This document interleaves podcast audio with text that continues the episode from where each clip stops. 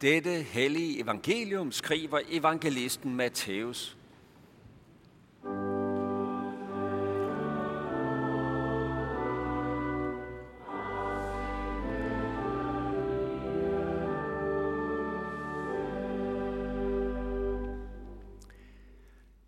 Jesus sagde, hvis jeres retfærdighed ikke langt overgår de skriftkloge og farisæernes, kommer I slet ikke ind i himmeriget. I har hørt, at der er sagt til de gamle, du må ikke begå drab, og den, der begår drab, skal kendes skyldig af domstolen. Men jeg siger jer, enhver, som bliver vred på sin bror, skal kendes skyldig af domstolen. Den, der siger raka til sin bror, skal kendes skyldig af det store råd. Den, der siger tåbe, skal dømmes til helvedes ild. Når du derfor bringer din gave til aldret, og der kommer i tanke om, at din bror har noget imod dig, så lad din gave blive ved aldret og gå først hen og forlig dig med din bror. Så kan du komme og bringe din gave. Skynd dig at blive enig med din modpart, mens du er på vej sammen med ham, så din modpart ikke overgiver dig til dommeren, og dommeren igen til fangevogteren, og du skal kastes i fængsel. Sandelig siger jeg dig, du slipper ikke ud derfra, før du har betalt den sidste øre. Amen.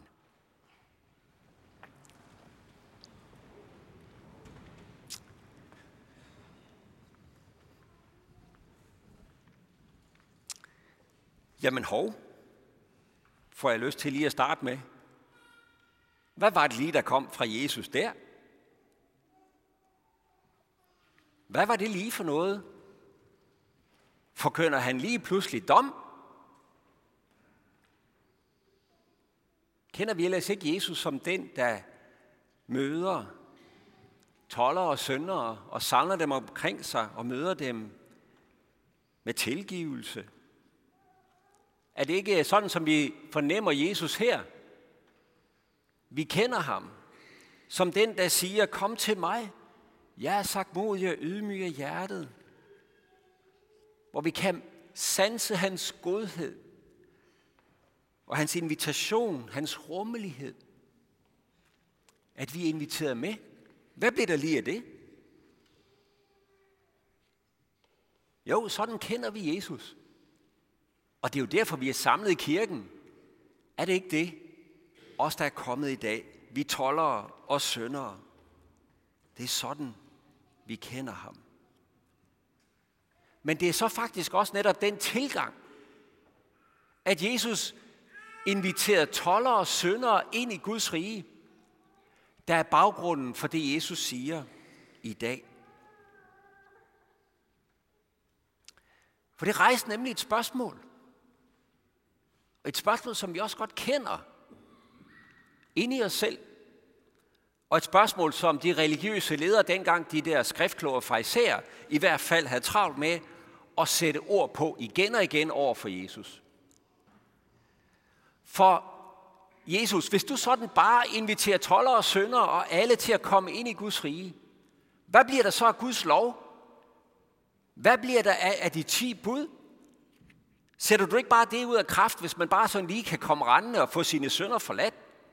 Stiller du så ikke fem og syv lige, som, ikke, som om der ikke var forskel på skæg og kanel.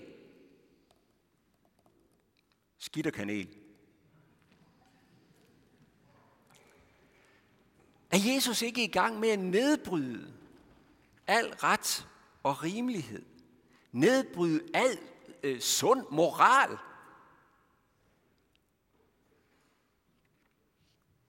Det er den her misforståelse, Jesus tager fat ved vingebenet. Lige før vores tekst, der siger Jesus, prøv lige at høre en gang.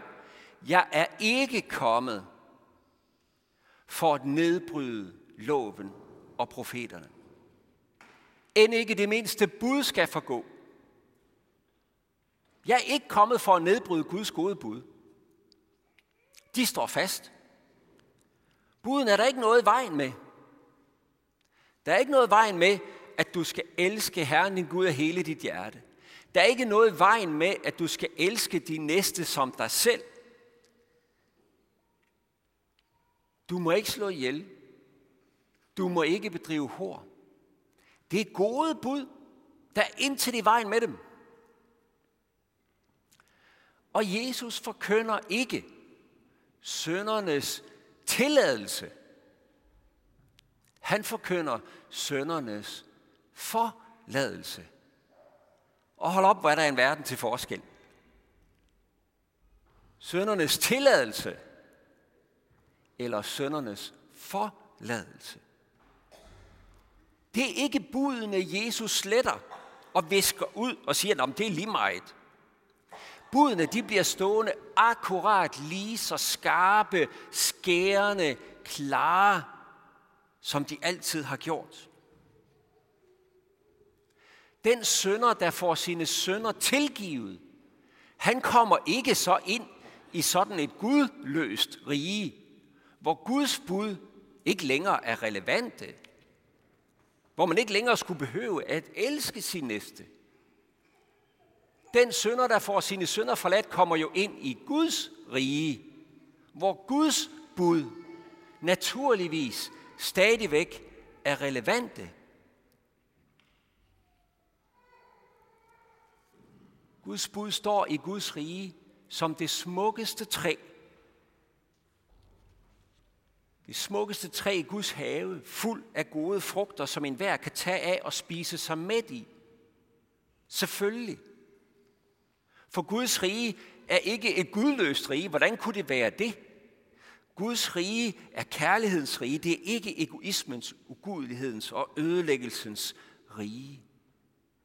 Det er et rige, hvor hans bud blomstrer smukt med frugter, man kan spise af. Hvis ikke jeres retfærdighed langt overgår farisæernes, så kommer I slet ikke ind i Guds rige, siger Jesus.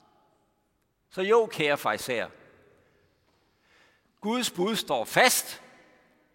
De skærer lige så skarpt som altid. Dem har jeg ikke pillet ved. Men når du, kære fejser, gerne vil hæve dig over de andre og ligesom sige, jamen, jeg har jo gjort det godt, jeg har jo holdt budene, og se nu på den sønder derovre, og ham inviterer du bare ind i Guds rige, Jesus, sådan uden videre. Hvad er det for noget? Når du nu siger sådan, kære gode fejser, så har du slet, slet ikke set, hvad loven egentlig indebærer, har du? Og så er det, han tager os med på indersiden af de ti bud, af Guds gode bud og udlægger for os, hvad de egentlig betyder, hvordan de egentlig skærer ind i et menneskeliv. Og i vores tekst er det så det femte bud, han tager op. Du må ikke begå drab. Og Jesu pointe er den samme, som den altid har været med det bud. At man kan ikke bare sådan sætte et flueben ud fra det, bare fordi man ikke lige har slået nogen ihjel rent fysisk. Budet rummer meget mere end det. Der er mange måder at slå ihjel på. Der er mange måder at ødelægge et andet menneske på. Nedbryde et andet menneske på. Man kan gøre enormt stor skade på et menneske bare med ord. Tænk på den skade, som hadkommunikation på nettet gør ved mennesker, man ikke engang kender. Man hælder bare sin vrede ud over dem og vil ødelægge, vil rive og flå i mennesker, uden at man har tænkt sig om at der sidder et menneske på den anden side. Når du hælder din vrede ud over andre, så slår du ihjel, siger Jesus. Du dræber et andet menneskes glæde, måske det selvværd eller livsmod. Budet om ikke at slå ihjel har med andre ord en positiv inderside, der siger, du skulle aktivt af dig selv ville din næstes bedste, også den du måtte blive vred på. Du skulle aktivt og af dig selv ville din næstes bedste, også den du bliver vred på. Der må slet ikke bo mor i dit sind. For det er jo derinde, mordet begynder, ikke sandt? Jesus han siger sådan her et andet sted, for indefra, Fra et menneskes hjerte kommer de onde tanker, utugt, tyveri, mor, ægteskabsbrud, griskhed, ondskab, svig, umådehold, misundelse, bespottelse, hovmod, tåbelighed. Alt dette kommer indefra og gør et menneske urent. Så Jesus han siger i dag, kære fariserer, jeg bryder ikke loven ned. Er det ikke snart dig, der er i gang med at bryde loven ned på et plan, hvor du selv synes, du kan være med? Har du overhovedet forstået, hvad loven kræver? Budet siger, at du skal elske din næste som dig selv. Men du, kære fejser, du ser budet, som peger på din næste, i stedet for din næste. Du ser slet ikke næsten, som budet peger på. Som du skulle elske helt og udelt i tanke, ord og handling. Du er i stedet for optaget af budet og din religiøse retfærdighed, at når Gud jo har sagt, det her, så skal jeg jo prøve at holde det. Du er optaget af din egen selvretfærdige religiøsitet. Budet som en adgangsbillet til Guds rige, det du vil betale med over for Gud. Du er slet ikke optaget næsten, og det er næsten budet peger på. Farisæeren gør Guds bud til moralisme. Sådan noget, der er hævet ned, hvor man kan løfte sig over andre. Og det er det, der gør, at de slet ikke fik øje på, hvordan Jesus i sin egen person opfyldte Guds lov for deres øjne. Og det, det var præcis den måde, Jesus mødte toller og sønder på, der beviser, hvordan han opfylder loven selv. Det, som forarvede dem, farisæerne, at toller og sønder strømmede til Jesus for at få søndernes forladelse, for at lytte til ham, var jo netop der, hvor Jesus opfyldte Guds lov om at elske, og elske radikalt. For Jesus så næsten. Han var ikke optaget af budet. Han var optaget af næsten. Han så det syndige menneske og elskede det helt og fuldt. Han så selv fjenden og elskede. Han så næsten og elskede i tanke, ord og handling. Og jo vel blev han da vred, heldigvis da. Den, der elsker, må jo blive vred over alt det onde i verden. Men midt i vreden over det onde, så så han stadigvæk sønderen som et elsket Guds barn, som han vil gøre alt for at nå, som han bare ikke vil miste. Han nåede ikke bare med at vende den anden kind til, men han elskede så radikalt, at han gik i døden for at tage konsekvenserne af vores ondskab. Han gik i døden for os, mens vi endnu var ugudelige, mens vi endnu var syndere, mens vi endnu var fjender af Gud, siger Paulus. Så Guds reaktion mod vores ugudelighed, det var ikke at smække døren i hovedet på os i vrede. Guds reaktion var at opfylde loven og elske ved at gøre sig sårbar og åbne døren ind til Guds rige for os, til forsoningens dør, tilgivelsens dør. Sådan opfyldte Jesus loven af hjertet fra indersiden. Det var det, farisæerne ikke havde set, og som er så svært for os at se også. Hvad skal vi så når vi bliver vrede? Hvordan skal vi konkret forholde os til det, Jesus siger i vores tekst? I har hørt, at der er sagt til de gamle, du må ikke begå drab, men jeg siger, at enhver, som bliver vred på sin bror, skal dømmes. Hvad gør vi med det? Hvad gør vi med vreden, når vi nu gerne vil følge Jesus? Ja, vi kommer i hvert fald meget let til at tænke farisæisk om det. Hvor logikken bliver præcis som farisæernes. Prøv at følge mig en gang. Okay, Jesus siger, det er skidt at blive vred, jamen så må vi hellere lade være med det. Og så skynder vi os at lukke ned for enhver følelse, der bare måtte lugte af vrede, låget på, Nej, vi bliver skam aldrig vrede, for det må man jo ikke. Vi er milde, vi kristne. I du milde, hvor er vi milde? Og så er det, at vi får skabt billedet af kristne som sådan nogle glatte zombier, urørlige mennesker, der altid går rundt med sådan et evigt, øh, lidt lettere stivnet smil øh, på ansigtet, fordi vi er jo sådan nogle søde og barmhjertige kristne, og vi leder efter nogen, øh, vi kan vise barmhjertighed til, og så kan vi vende den anden kendt til. Så vi har gjort sådan, som Jesus siger. Det er farisæerens løsning. Og så har vi gjort Guds bud til et ideal, hvor vi ser os selv og vores egen kristelighed, men ikke den næste Guds bud peger på. I stedet så er vi nødt til at gøre noget andet og gå en anden vej, nemlig erkende vores vrede. Det kunne jo være, at det var en naturlig reaktion på overgreb eller uretfærdighed. Men uanset om vreden nu er retfærdiggjort eller ej, så bliver vi vrede, og vi må lytte til vores vrede. Ikke sådan, at vi bare skal følge den og gøre det, som vreden giver os lyst til i forhold til vores næste, men sådan, at vi får en information om, hvad der egentlig sker i os.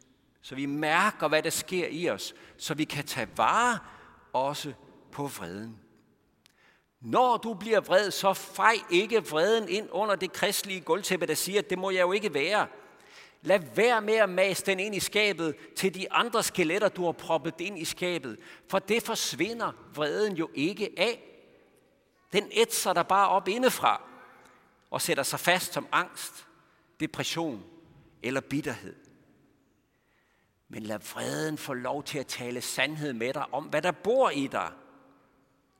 Hvad der bor i dit sind. Og gør så det, som står i Bibelen. Lad ikke solen gå ned over din vrede. Det vil sige, gør noget ved den. Handel på den. Ikke til din næstes ødelæggelse, men til både din og din næstes bedste. Det er præcis den vej, Jesus peger på i dagens tekst. At hvis der er noget mellem dig og en anden, så få det gjort op. Så gør noget ved det. Forlig dig med din bror, før at du skøjter hen over det og går i kirke, som om ingenting er hent. Den vej, Jesus peger på, er opgørets, forsoningens, undskyldningens og tilgivelsens vej. Den vej, han selv gik. Jeg skal opsummere ganske kort. Jesus lukker en dør for os i dag. Vi kan ikke på farisæisk vis bruge Guds bud til at hæve os over andre – eller til at retfærdiggøre os over for Gud. Der er ingen retfærdige. Ikke en eneste, siger Bibelen. Den dør er lukket, uanset hvor meget vi bliver bedre end farisæer og skriftkloge. Jesus åbner en anden dør, evangeliets dør. Den eneste måde, et syndigt menneske kan komme ind i Guds rige på, det er ved at lære Jesus at kende, præcis som han er her som den, der opfylder loven og tager imod syndere som os med synderes, søndernes forladelse. Han siger, at de raske har ikke brug for læge, det har de syge. Og holdt op, hvor er vi syge på ånd og sjæl og har brug for Jesus. Han er ikke kommet for at kalde retfærdig, men syndere som os. Og når vi er gået ind af søndernes forladelse, den dør til Guds rige, så er det en ny verden, der åbner sig for os. Så er jeg ikke længere den forurettede, der har ret til at pege fingre af de andre, der ikke er lige så moralske som mig, og torden over deres fald. For jeg er jo selv gået ind af syndsforladelsens dør til Guds rige. Som en, der har fået sine sønder tilgivet. I stedet for at møde mig med straf og vrede, mødte Gud mig med en udstrakt hånd og med tilgivelse jamen så kan jeg jo også møde andre på den måde. Jeg har ikke længere nogen grund til at skulle sammenligne mig med andre og gøre mig bedre end dem. Jeg er selv kommet ind i Guds rige ene og alene, fordi Gud er god og tilgiver mig mine sønder. Og så kan jeg også møde min næste på samme måde. Og se min næste. Ikke fordi jeg er noget særligt, men fordi min næste også er det. Altså noget særligt i Guds øjne. Et menneske, der er elsket af Gud, og som han ikke for alt i verden vil miste. Og sådan kan Guds gode lov blomstre i syndsforladelsens rige og bære frugter, en enhver kan tage af og spise sig med i. Så lad ikke solen gå ned over din vrede. Lyt til den og få gjort op med Gud og med din næste. Sådan har Jesus stillet dig foran en åben dør. Lov og tak og evig ære være dig, vor Gud, Far, Søn og Helligånd, du som var, er og bliver en sand treenig Gud, højlovet for første begyndelse, nu og i al evighed. Amen. Vi vil tilønske hinanden, hvor Herres Jesu Kristi nåde, Guds, vor Fars kærlighed og Helligåndens fællesskab være med os alle. Amen.